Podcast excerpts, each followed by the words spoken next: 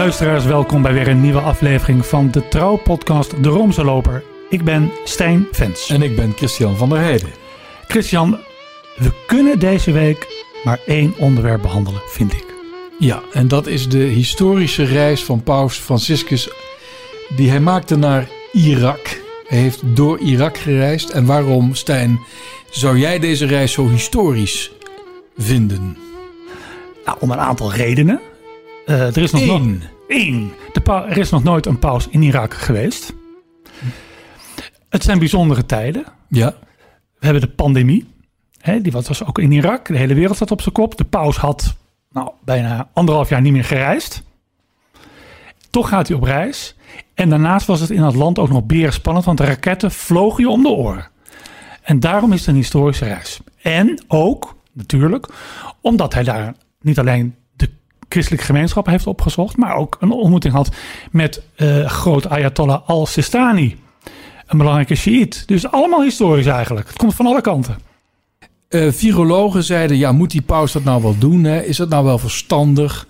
Is het niet een beetje roekeloos om te midden van een pandemie daar naartoe te gaan? Gek genoeg uh, maakten ze zich in Nederland zich helemaal niet druk over, over zijn, zijn eigen gezondheid. Hè?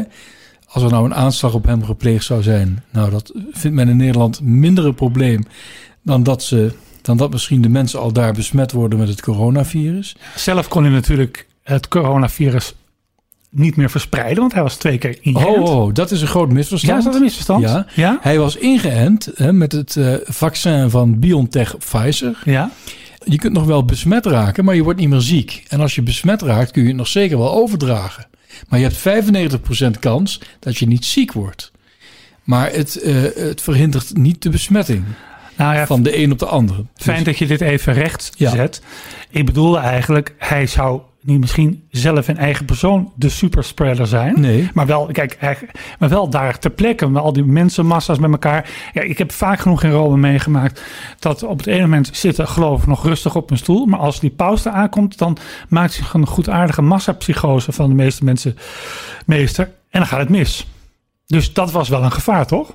Ja, maar als je dan dat afzet tegen het echte gevaar dat deze mensen jarenlang hebben gelopen, namelijk terreur, oorlog, dictatuur, uh, economische crisis, wat al niet meer, dan denk je ja. De, de kans is al klein dat als je corona krijgt, dat je dan ook uh, eraan sterft. Maar de kans was daar heel groot dat je een bom op je hersens krijgt. En de paus wilde juist naar Irak toe om de christenen die daar zoveel hebben geleden hard om de riem te steken, maar ook de Jezidis. En de, mos, en de moslims, die en ook hebben moslims. geleden Hij wilde namelijk een handreiking bieden. Hij zei, eigenlijk zegt hij van, oké, okay, heel ernstig deze pandemie, maar mijn prioriteit is om zo snel mogelijk een constructieve bijdrage te geven aan de maatschappelijke vrede. En dat heeft hij gedaan. Uh, niet gezegd dat ze daarna elkaar niet meer de pan inhakken, maar hij heeft in ieder geval, zo zegt hij dat zelf, het zaad van broederschap gestrooid.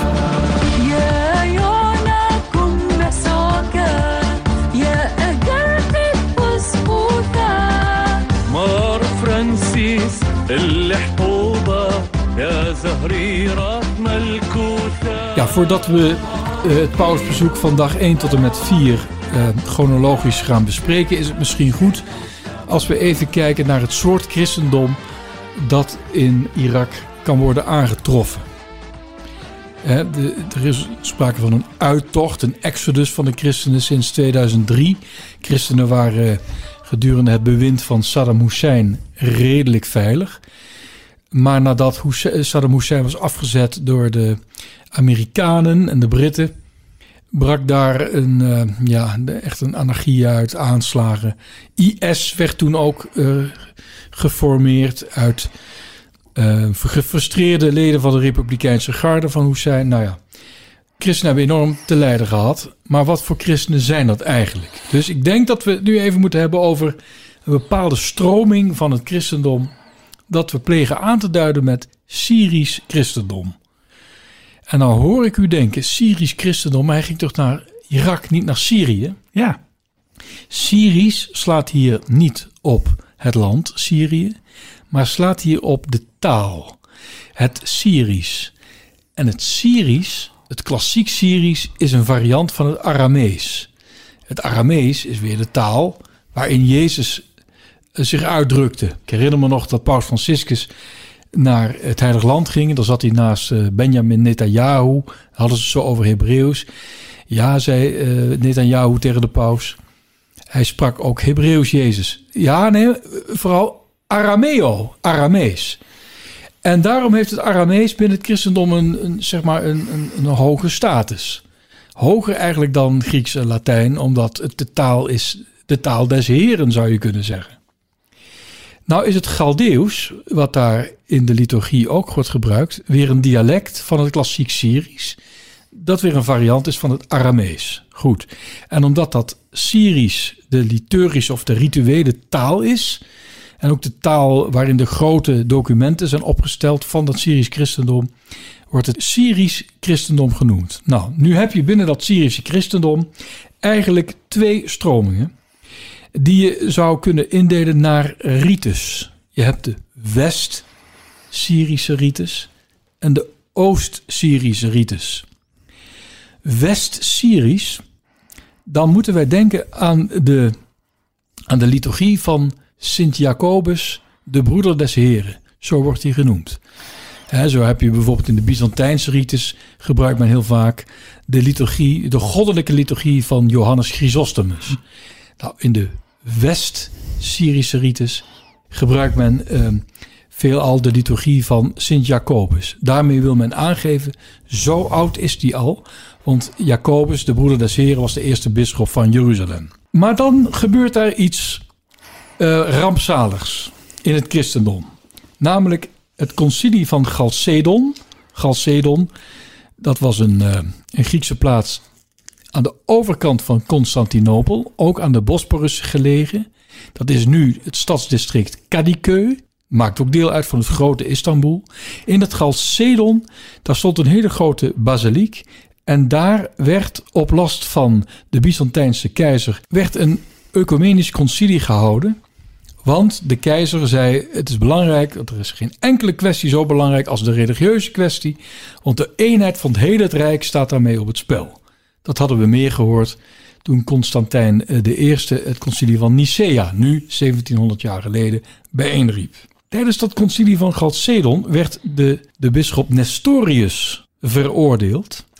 Het Nestorianisme was al veroordeeld in het concilie van Efeze. Uh paar decennia daarvoor. Maar in 451 ontstond er een nieuwe, eigenlijk twee nieuwe takken van het christendom. Namelijk het Syrische christendom dat zich afscheidde van het Byzantijns Latijnse christendom. En het Nestorianisme. Als een nieuwe tak die uit angst voor vervolging door de Byzantijnse keizer opschoof richting het oosten. En daar vonden ze als het ware een, een nieuwe habitat in het Perzische Rijk. Mhm. Daarom wordt uh, die tak van christendom ook wel het Persisch christendom genoemd. En die hadden een enorme uh, missionaire uh, drift.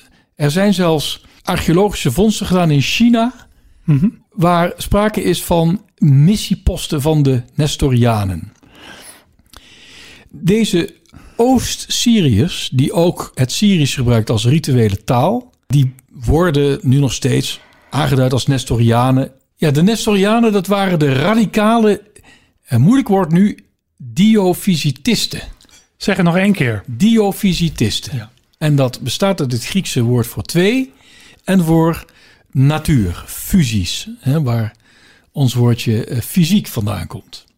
Waarom radicaal? Je had ook een orthodox duo, dio-fysitisme. Namelijk, dat is de klassieke katholieke twee-naturenleer. Christus bestaat uit een goddelijke natuur en een menselijke natuur.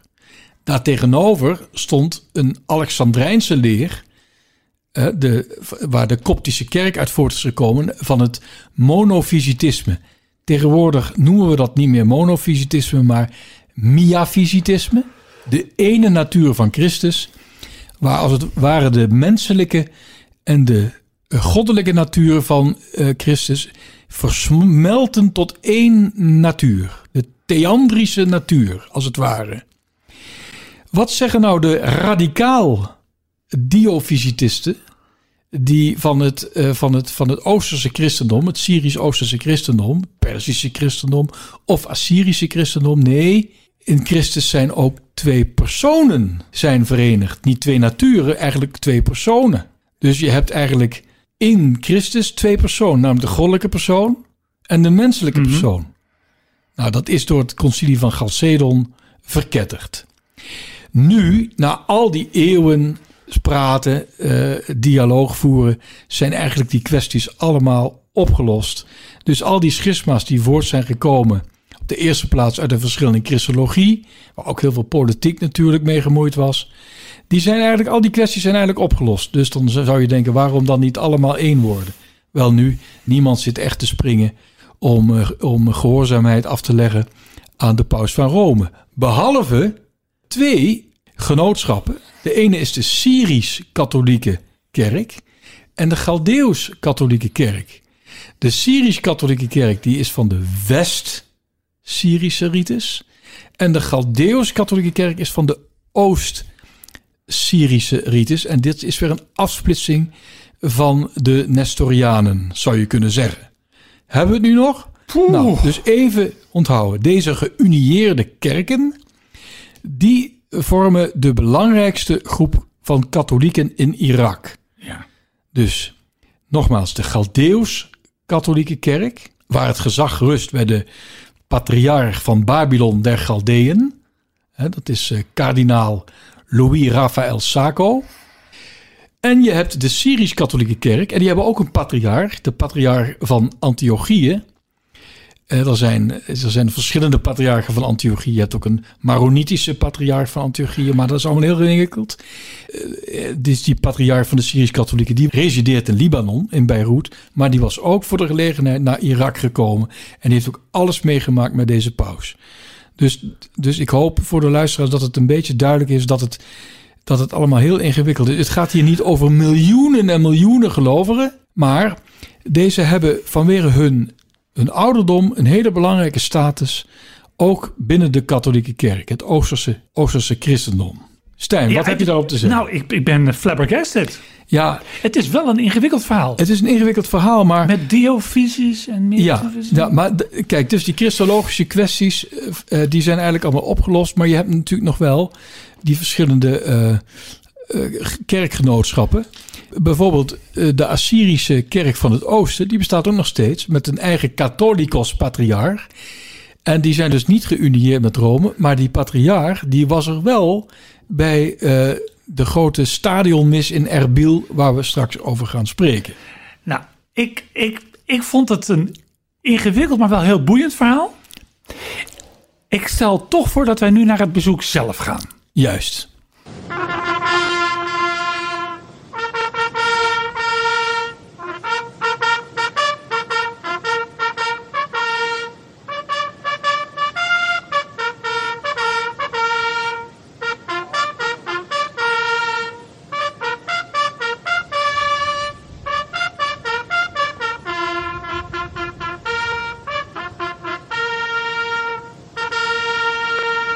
Paus is op vrijdagochtend vertrokken uit Rome, vroeg in de ochtend, 5 maart. 5 maart. Ja. Eh, vluchtnummer AZ4000. De paus heeft altijd hetzelfde vluchtnummer. Oh ja. Altijd handig. Ja. Eh, dus Je hoeft nooit te zoeken naar de gate, want het is altijd... En hij maakte gebruik van een Airbus A330 van Alitalia. Ja, Eigenlijk ook altijd hetzelfde. Wat, die, wat vaak gebeurt is dat als de paus een buitenlandse reis maakt, dat hij naar het land zelf toe wordt gebracht met een toestel van Alitalia. En wat dan wel gebeurt, is dat hij terug wordt gebracht met een toestel van de luchtvaartmaatschappij. Luchtvaart, Van de nationale... dat hij, wat, dan, wat dan vaak gebeurt, is dat hij teruggebracht wordt met een toestel van de luchtvaartmaatschappij van het land ter plekke. Ja. Dus hij ging naar Frankrijk. Ik ben met, eh, met Benedictus XVI naar Frankrijk geweest. Die ging heen met Alitalia en terug met Air France. Ja. In Parijs reed hij Peugeot en in Lourdes reed hij geloof ik Citroën. Het wordt allemaal keurig verteld. Ik heb niet gezien met wat voor toestel hij terug is gegaan. Ik wel. ja?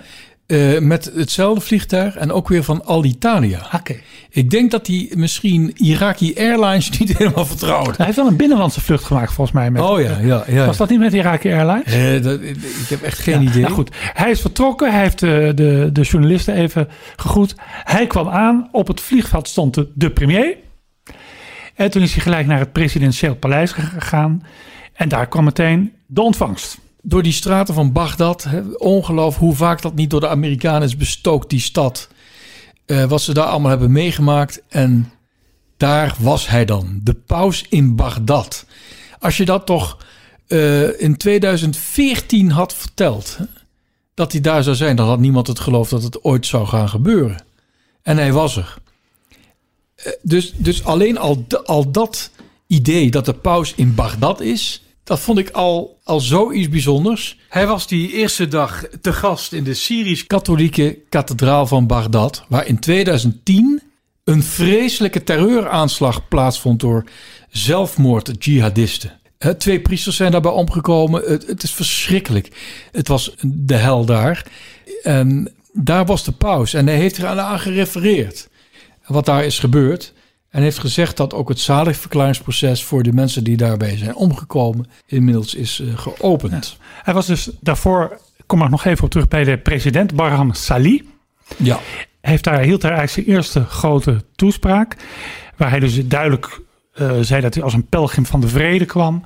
Dat er een einde moest komen aan het geweld. En waar hij het heel duidelijk opnam voor het lot van de Jezidis. Ja, de Jezidis heeft hij meerdere malen op deze reis genoemd. En het eh, mooie is namelijk, hij heeft in het vliegtuig weer terug naar Rome. We doen even een flash forward. Heeft hij eigenlijk gezegd wat hem ertoe heeft eh, aangezet om nu echt te gaan. Hij wilde al lang naar Irak, maar waarom dat hij nu moest gaan, dat was eigenlijk nadat hij een boek had gelezen van een Jezidi-vrouw, Nadia Murad. En die heeft een eh, boek geschreven en in het Engels luidt de titel daarvan The Last Girl, My Story of Captivity and My Fight Against the Islamic State. Zij is door ISIS, eh, IS, ontvoerd, tot, tot seksslavin gemaakt. Eh, nadat haar zes broers ook waren afgeslacht. De hele familie is daarbij omgekomen. Zij is buitgemaakt. En moest dan dienen als, als slavin van dat tuig. Het is onvoorstelbaar. Na een paar maanden wist zij te vluchten. Ze heeft zich toen verborgen kunnen houden ergens. Bij mensen eh, die, die zagen haar op de vlucht staan. Die hebben haar binnengehaald. Daar kon ze bij onderduiken. En uiteindelijk is ze eh, de stad uitgevlucht. En heeft ze contact gemaakt met de Koerden. Een Koerdische militie. En heeft toen haar verhaal nog even stilgehouden. Omdat ze degene die haar hadden ge- geholpen natuurlijk wilde beschermen. Ja, en de paus heeft dat gelezen en die zegt van... ik was daar zo van onder de indruk. En toen dacht ik, ik moet nu gaan. Die mensen hebben het zo zwaar gehad. Ik moet daar nu naartoe. Wat ik zo goed vind is dat de paus blijkbaar tijd heeft om dat soort boeken te lezen. Ja, maar dat is niet zomaar een boek. Dit is een, eh, een boek van een, van een minderheid, de Jezidis, die eigenlijk zwaarder zijn aangepakt dan de christenen. Omdat de christenen, dus, dat, die behoren volgens de, de, de islamitische leer ook van, de, tot de godsdiensten van het boek. Hè, Injil. Hè, de, van de, Injil betekent het van het evangelie. Dus die hebben een bepaalde status ook, hè, net zoals de joden. Maar de Jezidis, ja, dat, die, die worden eigenlijk door, eh, door fundamentalisten beschouwd als aardsketters. Dus daar mag je eigenlijk mee doen wat je wilt. Nou, dat was op de eerste dag dus. Hè, die Ja. die, die eh, toespraak in het presidentieel paleis. Dat bezoek aan die Syrisch-katholieke kathedraal. Eh, de paus verbleef in Bagdad in de apostolische nunciatuur. Wat wel opvallend was, eigenlijk bij al die reizen gaat die paus in een open auto, zodat de mensen hem goed kunnen zien. In Bagdad reed hij in een gepantserde auto. Eh, wat ook opvallend is, is, wat ik gehoord heb, is dat de bodyguards van de paus die altijd meegaan, droegen kogelvrije vesten. Blijkbaar is dat ook niet normaal. 10.000, ik geloof 10.000 special forces moesten zijn veiligheid eh, garanderen. Dus ik heb overal gehoord van mensen in Rome die werken met angst en beven voor de televisie zaten van gaat dit wel goed? Ja. Maar de paus is daar totaal niet bang voor dat hij wordt ne- neergeschoten of zo. Nee, hij, is, eh, hij is wel bang dat hij wordt gefolterd. En dat ze hem eh, fysiek heel zwaar pijn doen. Hij bidt ook altijd, als ik dat maar niet hoef. Maar verder kan het er niet zoveel schelen.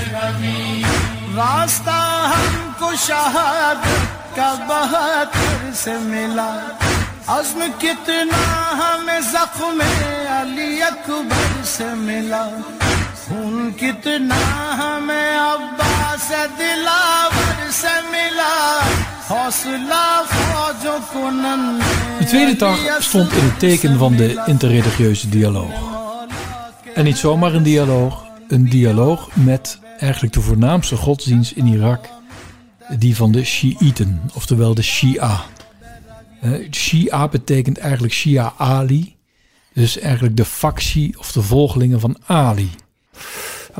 Wie was Ali? Ali was een, eh, een schoonzoon van Mohammed en ook een, een verwant van de grote profeet Mohammed. En hij was eh, eigenlijk, tenminste dat zeggen de Shiiten, de eerste opvolger van Mohammed als leider van de Umma. Wat is de Umma? Is de wereldwijde gemeenschap van moslims. Maar door een samenloop van omstandigheden eh, kwam Ali pas als vierde aan de beurt om hem daadwerkelijk op te volgen als kalif. En toen hij aan de beurt was, was hij de eerste van de zogeheten twaalf imams. En toen kwam er een schisma in uh, de Umma, de Sunna, de Soenieten en de Shia, de Shiiten. Wel nu, het grootste gedeelte van de moslims in Irak is Shiitisch. en het allergrootste is dat in Iran.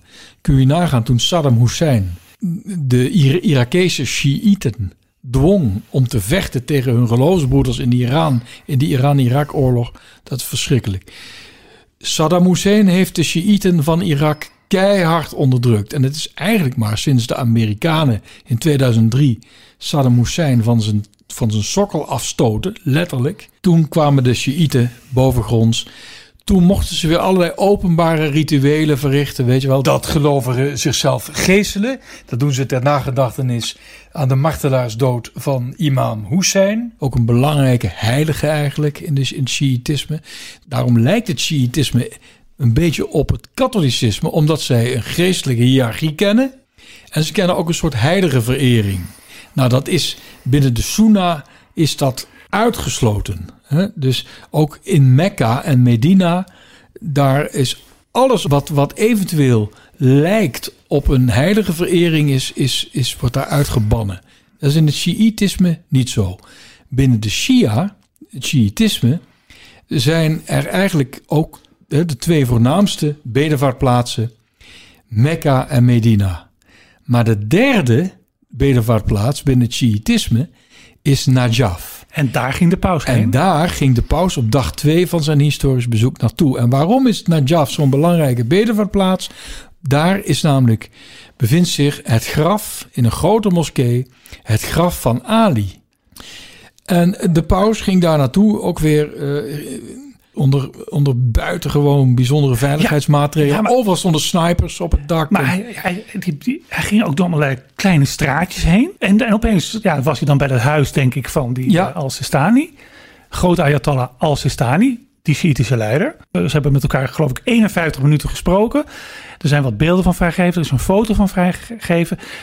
Nou, weinig opsmuk zal ik maar zeggen. Ze zaten tegenover elkaar. Zwart, de, de, de Ayatollah in het zwart, de paus in het wit. En daartussen stond eigenlijk alleen maar een doos tissues. Uh, overigens waren zij uh, niet alleen. Dat werd aanvankelijk wel gezegd. Ja, hè? dat werd gezegd, ja. Uh, daar was een kardinaal bij, daar komen we straks over te spreken. Dat is de, de president van de Pauselijke Raad voor de Interreligieuze Dialoog. De patriarch van Babylon, kardinaal Saakho van de Galdeeuws-Katholieke Kerk. Een tolk. En de zoon, geloof ik, ook van Al-Sistani. En Al-Sistani zelf. Nou, later werd er ook door het Vaticaan een filmpje verspreid, een video verspreid, dat ze in stilte tegenover elkaar zaten. En dat was, ja, dat, dat, dat, sprak iets ongemakkelijks van uit. Van, van, ze zeiden niks en de paus keek hem nogal ja, een beetje verlegen aan. En Al-Sistani keek een beetje in de lucht, alsof hij wilde zeggen van wat is dit? het maakte niet echt een, een, dynamische indruk. Maar dat maakt volgens mij ook helemaal niet uit. Nee, maar weet je, dat is het feit dat, dat was die twee daar zaten, dat was het. Maar dat was een persmoment. En de Shiïtische geestelijkheid heeft het land aan media-optredens. Want Al-Sistani komt, in tegenstelling tot de paus, eigenlijk nooit in de, verschijnt bijna nooit in het openbaar. Hij heeft wel een eigen website. Dat wel. Ja. Ja. En dat is interessant als je die website bezoekt. Dan, eh, worden, dan eh, zie je allerlei oplossingen voor religieuze kwesties. Hè? En als een ayatollah, een groot ayatollah, uitspraak doet over een bepaalde religieuze kwestie, dan heet dat een fatwa. En we kennen allemaal de fatwa die groot ayatollah Khomeini ooit uitsprak over Salman Rushdie. Over Khomeini gesproken. Het Iraanse Shiïtisme is veel radicaler. Die streven echt naar een theocratie. En die hebben dat ook verwezenlijk met de grote Iraanse revolutie. Maar deze Al-Sistani is eigenlijk van de gematigde factie. Ja. Die, wijzen, die wijzen eigenlijk het- de theocratie af. Van tevoren was de vraag gesteld of eh, die Al-Sistani ook dat document zou tekenen. En die, dat document over de broederschap. Wat de paus volgens mij in februari 2009 in Abu Dhabi met een exponent van het Soenisme heeft gesloten. Of Al-Sistani zich daarbij zou aansluiten. Daar hebben we eigenlijk weinig van gehoord. En hij heeft het dus niet gedaan. Hij heeft het dus als niet gedaan. Als hij het wel had ondertekend, hadden we dat zeker geweten. Maar wat wel belangrijk is, is dus dat ze elkaar gezien hebben. De foto is the message. En dat Al-Sistani in dat gesprek heeft benadrukt dat christenen het recht hebben om in Irak in vrede en veiligheid te leven.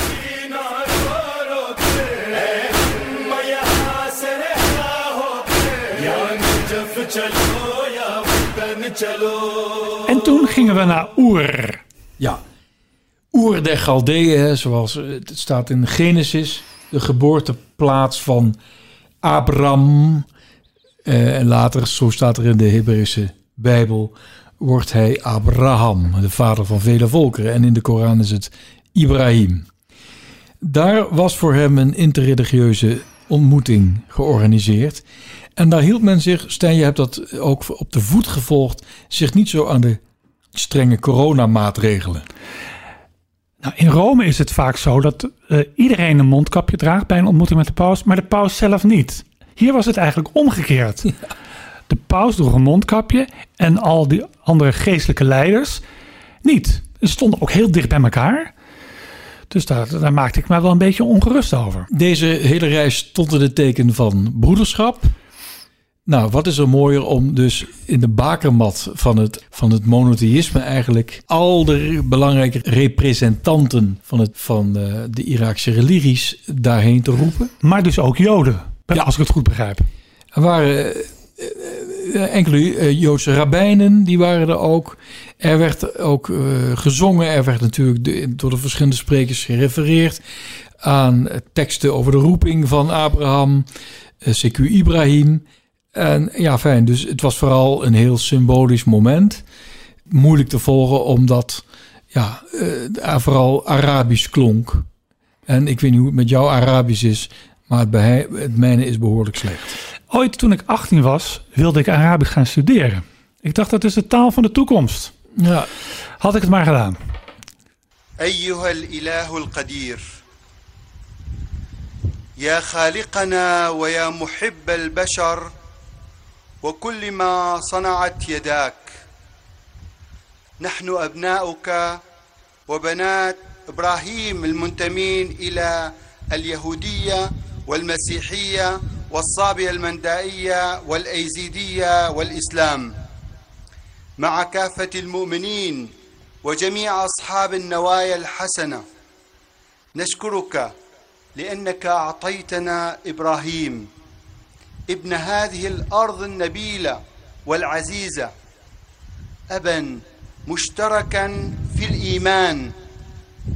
نشكرك لأنه مثال الرجل المؤمن الذي أطاعك حتى النهايه فترك عائلته وقبيلته ووطنه لكي يذهب الى ارض لا يعرفها Ja, en nadat hij uit Oer was teruggekeerd in de hoofdstad van Irak, Bagdad, ging hij de avondmis vieren met de Galdeeuws-katholieke eh, gemeenschap eh, die verenigd was in de Galdeus-katholieke Sint-Jozef-kathedraal. Ik moet er echt bij zeggen Galdeus-katholieke eh, kathedraal, want er is er in Bagdad nog een andere Jozef-kathedraal en die is van de Latijnen. Dus zeg maar ons soort katholieken. Je hebt ook een kathedraal daar. Om het nog even gecompliceerder te maken. En wat mij daar eh, opviel, ik heb die hele mis gevolgd. We hebben ondertussen ook een beetje geappt naar elkaar. Hoe vind jij dat nou? Het, de muziek is natuurlijk totaal anders. Dat kunnen we ook verwachten. De ritus is ook anders. Maar de paus die voelde zich een beetje verloren. Want hij moest namelijk deze Eucharistie voorgaan in een totaal andere ritus dan die hij is gewend. In de Galdeeuwse ritus. En dat is weer een tak binnen de Oost-Syrische ritus. En de rituele taal is dan ook het Galdeeuws. Maar er werd vooral ook gesproken in het Arabisch. En de paus dit alles in het Italiaans. En het was de eerste keer dat een bisschop van Rome voorging... of een mis celebreerde in de Galdeeuws-katholieke riten. Kijk eens aan. Dus... Uh, en wat ik goed vond, want dat, dat vroeg ik me af. De paus heeft heel veel Italiaans gesproken. De paus heeft daar ook een homilie gehouden. En die werd keurig simultaan vertaald.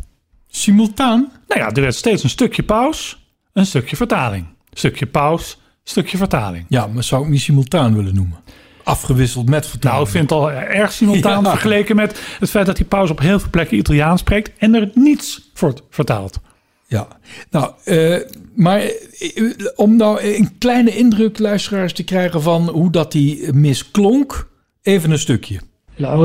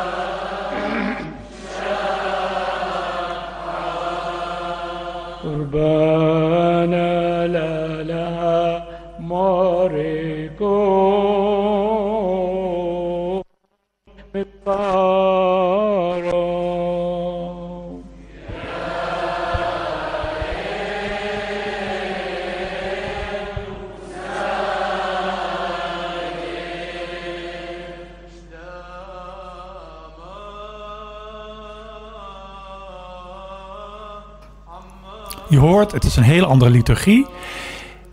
Uh, maar ik vond zo mooi te zien dat iedereen zo meedeed. En de blijheid bij de mensen. Dat de paus zomaar naar hun gemeenschap kwam. En dat zijn mensen die ook in angst leven voor aanslagen, ja. voor terreur. En die paus uit Rome komt maar, mooi, komt maar mooi naar hen toe. En dan dacht ik ook, ja, dat geloof van die christenen daar, dat zou ons wel eens een beetje ten voorbeeld kunnen strekken. Dat wil zeggen, blij zijn met dat je überhaupt je geloof kan uitoefenen. Ook al is het in een beperkte zin, ook al mogen er maar 30 uh, gelo gelovigen in een kerk zijn, ook al moet alles gestreamd worden, wees een beetje blij. En het werd gevierd door Galdeërs. En de Galdeërs, dat zijn eigenlijk de autochtonen van Irak. Zij zitten er al, al, al millennia, zitten ze daar in Mesopotamië, in het oude Babylon. Dus uh, ja, ze zijn natuurlijk altijd vervolgd. Ze hebben ook heel veel interne strubbelingen gehad. Uiteindelijk zijn ze overgelopen naar Rome en geunieerd geraakt. En uh, deze Saco, deze uh, ook, die, met de paus aan het altaar stond, is de tweede kardinaal van de Galdeeuws-katholieke kerk. En de vorige was Emmanuel III Delhi. En ik weet nog dat hij uh, tot kardinaal is gecreëerd. Daar waren wij uh, samen bij in 2000. Uh, nou, dat wil ik even vanaf zijn, maar door Benedictus, de 16e. En daar waren ook heel veel Irakisch bij aanwezig. Nou, die waren echt door het tolle heen. Dat was geweldig. Ja, echt geweldig. Ja, dat was geweldig om en, zien. En dus, dus dat doet, doet mij denken, je had het net over die vreugde. Nou, en toen zaten we nog midden in die verschrikkelijke oorlog. En de volgende ochtend, zondag 7 maart, ging hij naar Mosul. Ja, maar eerst landde hij op de luchthaven van Erbil. En Erbil is het bestuurscentrum van eh, de autonome regio uh, Koerdistan, Iraaks Koerdistan, zeg maar. En die hebben een eigen president en een eigen premier. Hij werd dus eigenlijk ja, ook daar heel officieel ontvangen. En uh, in de VIP-lounge van, van die luchthaven. Daarna is hij eigenlijk deze autonome regio meteen weer uitgegaan richting Mosul, de metropool Mosul. En dat is weer de hoofdstad van de, van de provincie Nineveh. Of e, liever gezegd het gouvernement Nineveh. En Nineveh kennen we natuurlijk ook uit de Bijbel als de hoofdstad van uh, Assyrië.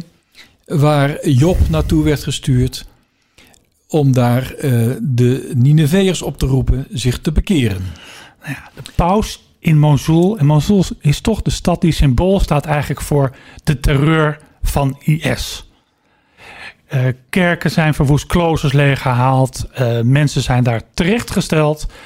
Niet alleen christenen, ook moslims. En daar te midden van die puinhopen van Mosul heeft de paus eigenlijk al die slachtoffers herdacht. Ik vond dat ongelooflijk indrukwekkend.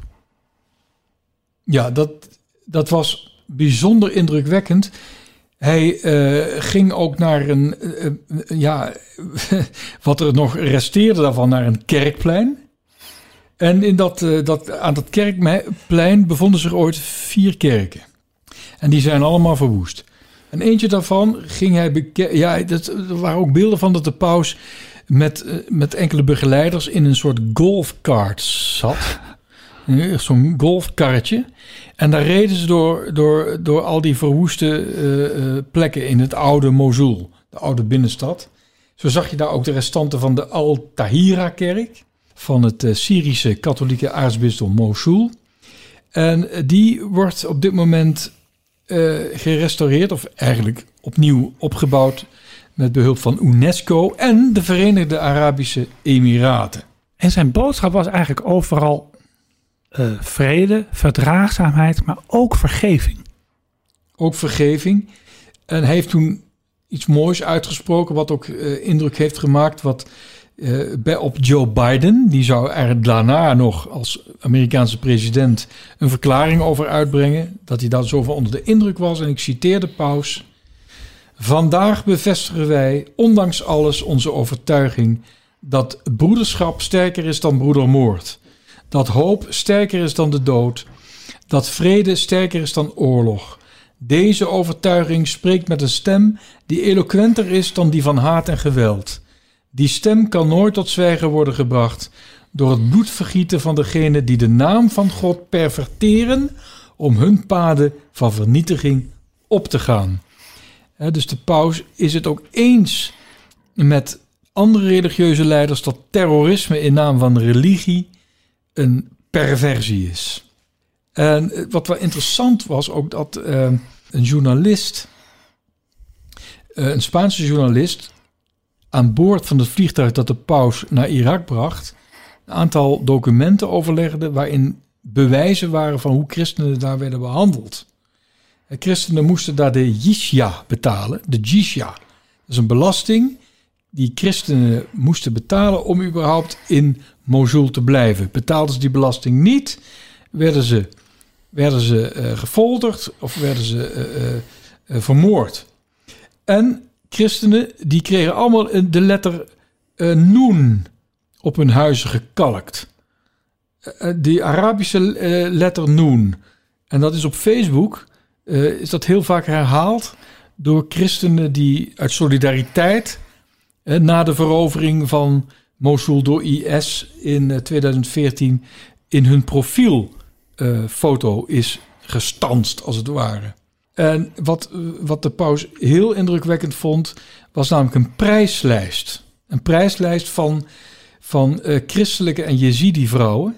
Wat kosten die slaven? Wat kosten die slaafvrouwen? En de hoogste prijs werd daar betaald voor meisjes onder de negen jaar kostte 160, nou omgerekend naar euro's, 160 euro voor een meisje onder de 9 jaar als slaafje. Ongelooflijk. Vreselijk. En daar was de paus. Daar liep de paus in dit IS-bolwerk. Alleen al die beelden, ja, die zijn eigenlijk uh, iconisch. Salta, salta! Viva il Papa! Papa! Solo, solo! Viva il Papa!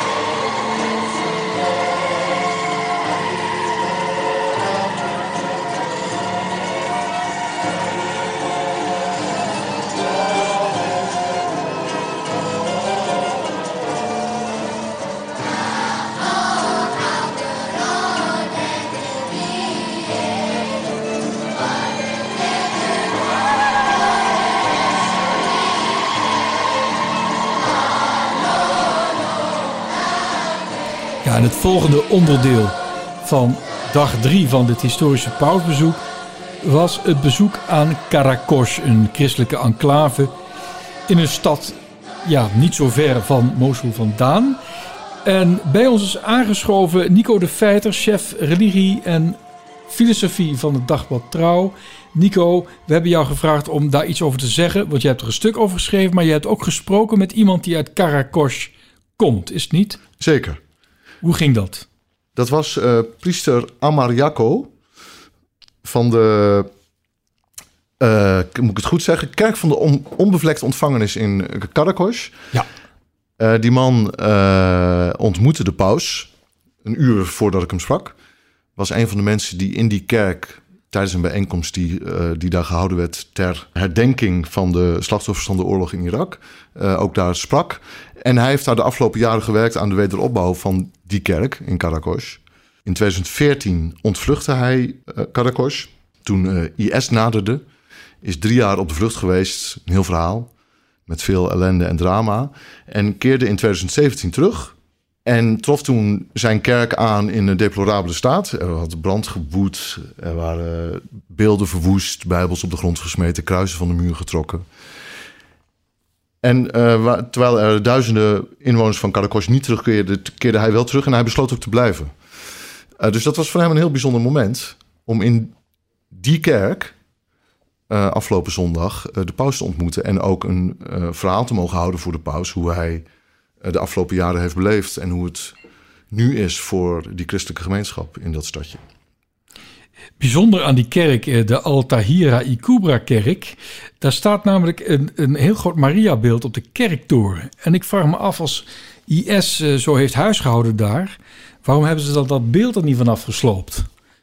Maar goed, dat, dat, dat staat er dan nog steeds. En wat leuk is, toen de paus aankwam gevlogen in die helikopter, toen zei hij, toen ik hier aankwam gevlogen, zag ik het standbeeld van Maria op deze kerk van de onbevlekte ontvangenis. Aan haar heb ik de wedergeboorte van deze stad toevertrouwd. En de priester die jij hebt gesproken, is dus bezig met die wederopbouw. Ja. Hoe ziet dat eruit, die wederopbouw? Want waar moet je beginnen in godsnaam? Kijk, voor zover ik begrepen heb, ligt een uh, groot deel van Karakosh nog steeds uh, behoorlijk in puin en moet er nog steeds heel erg veel gebeuren. Ja, hoe hij dat allemaal precies heeft aangepakt in de afgelopen jaren, weet ik, weet ik niet. Wat hij geprobeerd heeft, is om daar een plek te creëren, opnieuw te creëren, waar die geloofsgemeenschap, die gemarginaliseerde geloofsgemeenschap, te kunnen laten bestaan en te kunnen vieren. Ik weet niet precies hoe hij dat gedaan heeft, maar het heeft er in ieder geval toe geleid dat deze bijeenkomst daar plaats kon vinden. Ik, heb ook, ik zag ook foto's van die kerk, ook van de binnenkant. Nou, dat zag er zag er mooi uit. Als jij nou terugkijkt op dit uh, pausbezoek, want je bent er nou toch, ik sprak je eerder en jij, vond het, uh, jij was er behoorlijk van onder de indruk. En kun je ook zeggen waarom jij nou zo de, van onder de indruk was? Drie dingen. Drie? Ja, drie dingen. Gekoppeld aan een paar momenten. Kijk, uh, wat ik ongelooflijk vond, waren de beelden van de paus in Mosul. Op dat plein waar die vier kerken omheen staan die kapotgeschoten waren. Dat leverde ongelooflijke beelden op. In het verlengde daarvan, twee, dat realiseerde ik me zondag pas. Het was vanuit, vanuit Mosul dat IS'ers afgelopen uh, in 2014 zeiden. Uh, en nu trekken we op naar het Vaticaan. Aha, ja. Het, tegen, het einddoel. het einddoel. Dat was het einddoel. Ja. ja. Ik zag op Twitter een foto voorbij komen van een omslag van het tijdschrift dat IS in de tijd ook uitbracht. En ze hadden hun eigen glossy. Een eigen glossy. En daar stond een foto op, uh, een montage met het uh, Sint-Pietersplein. Met de wapperende IS-vlag. Uh, Op de obelisk, ja. Precies. Ja. Nou ja, en nu gebeurde uh, het tegenovergestelde. De paus kwam namelijk naar, naar Mosul. Ongelooflijk. En het derde, dat had te maken met het gesprek dat ik met deze priester voerde. Want hij maakte mij duidelijk hoe ongelooflijk belang- belangrijk dit bezoek voor die gemeenschap daar is. Hij zei tegen mij: Vandaag breekt een nieuwe tijd aan. En ik vind het ook weer moeilijk invoelbaar hoor. Eh, want ja, misschien even een kleine opmerking tussendoor. Ik ben protestant. Eh, eh, maar dat, dat voor zo'n geloofsgemeenschap het zo belangrijk is om die heilige vader, zoals deze priester hem ook noemde, daar te ontvangen. En hoeveel hoop en perspectief dat bood, dat werd me pas duidelijk toen ik deze man had, daarover hoorde spreken. Was hij emotioneel? Hij was heel erg blij. Hij was heel erg blij. Je zag ook, ik denk dat hij het ook spannend, heel erg spannend heeft gevonden. Dus hij was, Want, want je zag hem ook, want je had, je had een videogesprek Ja. met hem, hè? ja, precies. Dus hij was een en al opluchting en blijdschap. Ja, en de hoop die straalde van zijn, eh, van zijn gezicht af. Ik vond het heel indrukwekkend. Mooi. Dankjewel, Nico. Ik heb het graag gedaan, Christian.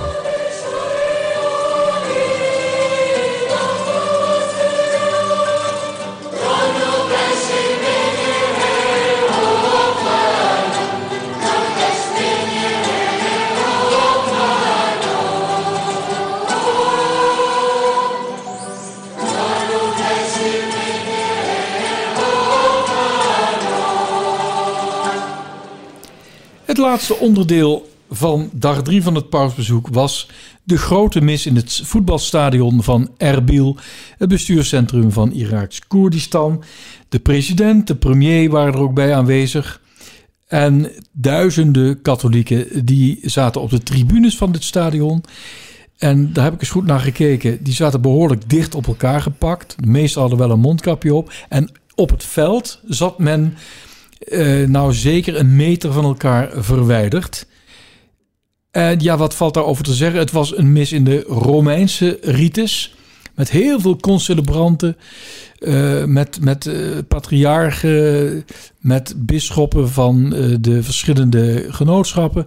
En natuurlijk ook de patriarch van de Assyrische kerk van het Oosten was daarbij aanwezig. En heel veel andere niet-katholieke kerkleiders. Ja, ik dacht wel toen ik die beelden zag van die mis in Erbil. Het gaat de Irakezen niet om de R-factor, maar om de P-factor. ja, Ja. Dan staat de P voor paus. Ja, nou, die Koerden die verdienen natuurlijk een groot compliment. Want laten we wel wezen, zonder de Koerden. Dan, weet, dan, dan misschien had IS er dan nog steeds gezeten. En vooral die Peshmerga's. De moed van hun eh, strijd tegen het eh, ji- jihadisme is meer dan te prijzen. Salam, salam, salam.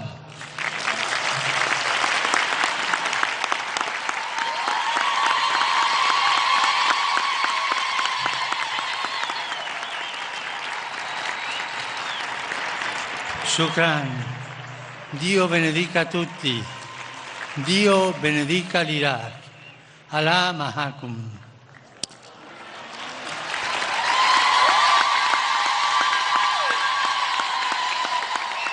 Ten slotte dag 4. Daar kunnen we enerzijds heel kort over zijn, want hij is gewoon weer uit Bagdad vertrokken naar Rome. En een vast ritueel van die terugreis is altijd de persconferentie op 10.000 meter hoogte. Nou, de paus is naar achter gekomen. Zo'n pausvliegtuig is eigenlijk in drieën gedeeld. De paus zelf zit voorin met 5 meter beenruimte. Denk met eh, zijn, per- persoonlijk secretaris, zijn particulier secretaris. Dan is er een gedeelte waar kardinalen zitten, beveiliging. En het achterste gedeelte is ingeruimd voor de journalisten. Volgens mij gingen er deze keer 74 mee.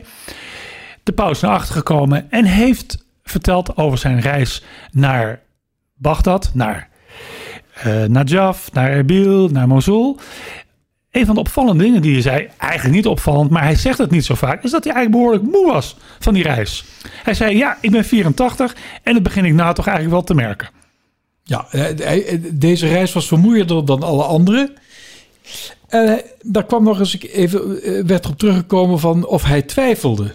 Of hij deze reis wel überhaupt moest ondernemen. Hij zei van, als ik op reis ga, dan luister ik natuurlijk naar het advies van mijn adviseurs. Hè, waar gaan we naartoe en zo. Waarom zou ik überhaupt daar naartoe gaan? Dan eh, overweeg ik al die adviezen en dan bid ik. En dan denk ik er heel veel over na.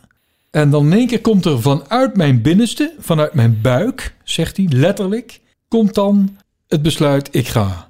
Als een spontane vrucht, zegt hij, als een rijpe vrucht. Eh, Op een gegeven moment dacht hij ook van... ja, moet ik nou eigenlijk wel vanwege deze pandemie naar Irak gaan? En toen zei hij letterlijk...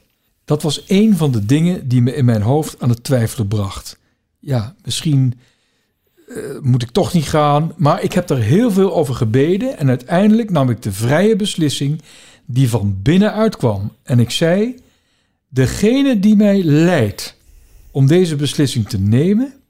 laat hem voor de mensen zorgen. Ik nam het besluit bewust van de risico's. Einde citaat. Met andere woorden van, nou, u heeft mij geïnspireerd, God of Heilige Geest, om hier toch naartoe te gaan, ondanks alle bezwaren van epidemiologen, virologen, noem maar, maar op. En eh, nou, dus dan bent u ook verantwoordelijk. En eh, als mensen ziek worden, is het niet mijn schuld, maar dan is het uw, uw schuld. Dat vind ik eigenlijk heel mooi. Dat is eh, toch, toch, ja. Is dat nou typisch Jezuïtisch, Stijn? Nou, wel van dat proces van onderscheiding, hè, wat, hij, wat hij zo beschrijft.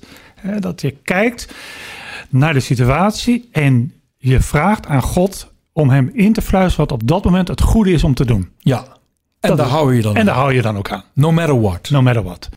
Ja, hij noemde ook een naam van een kardinaal die hem deze reis had vergezeld. Hij noemde hem ook in de persconferentie eh, aan boord van, van deze Airbus. En het is namelijk Miguel Angel Ayuso Guichot. Kardinaal Ayuso Guichot. Mensen, onthoud deze naam, want ik denk dat deze man zeker op de lijst van papabili moet. Stijn, heb je ooit van hem gehoord? Natuurlijk heb je ooit van hem gehoord. gehoord. Hij is eh, eh, president van de Pauselijke Raad voor de Interreligieuze Dialoog. Zeer belangrijk. Deze Zeer belangrijk in deze het reis. pontificaat. Ja. Hij heeft, moet ik zeggen, wel de perfecte leeftijd op dit moment. 68. ja. Hij, hij is van 1952. Het is een Spanjaard. Hij is geboren in Sevilla. En hij heeft Arabisch gestudeerd. Hij, hij weet alles over de islam. Hij, het is een missionaris van de Comboni-missionarissen. Die eigenlijk eh, zijn opgericht speciaal om in Soudaan te missioneren. Ik heb ze ontmoet eh, in, eh, in Ja? Kenia ooit. Ja, ja, Ja. allemaal van die Comboni Com, missionarissen. ja, Comboni. Comboni. Genoemd naar Ja. de bisschop die deze orde heeft, of congregatie heeft opgericht. Kijk, als deze universele broederschap, deze, die deze paus predikt, zo belangrijk wordt.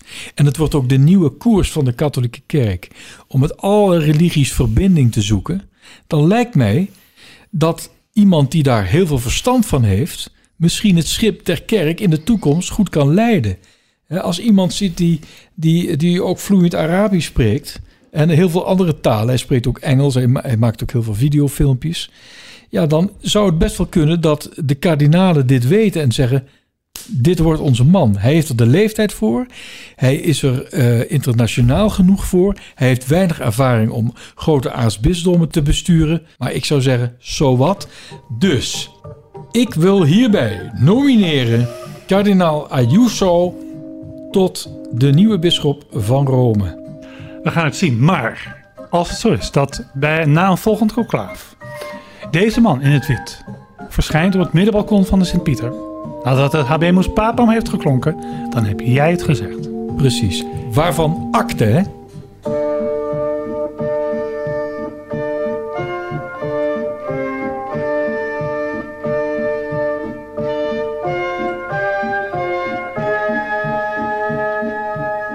Al met al was dit een historisch bezoek. In het vliegtuig heeft de paus ook nog iets gezegd over toekomstige reizen, buitenlandse reizen. Dat hij, heeft gezegd dat hij in september naar Hongarije wil. Geen staatsbezoek, maar alleen voor de afsluitende mis van het. Eucharistisch congres in Je zegt het al.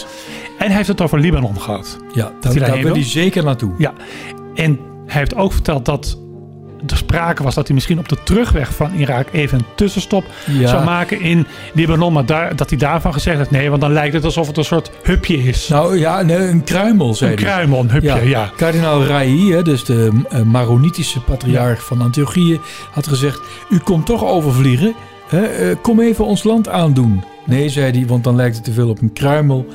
Ik doe dat echt apart. En Libanon heeft het nu ook heel hard nodig, want dat land staat echt aan de rand van de afgrond. Luisteraars, dit was het weer. We wachten af wat de paus verder gaat doen op buitenlands gebied. Tot de volgende keer.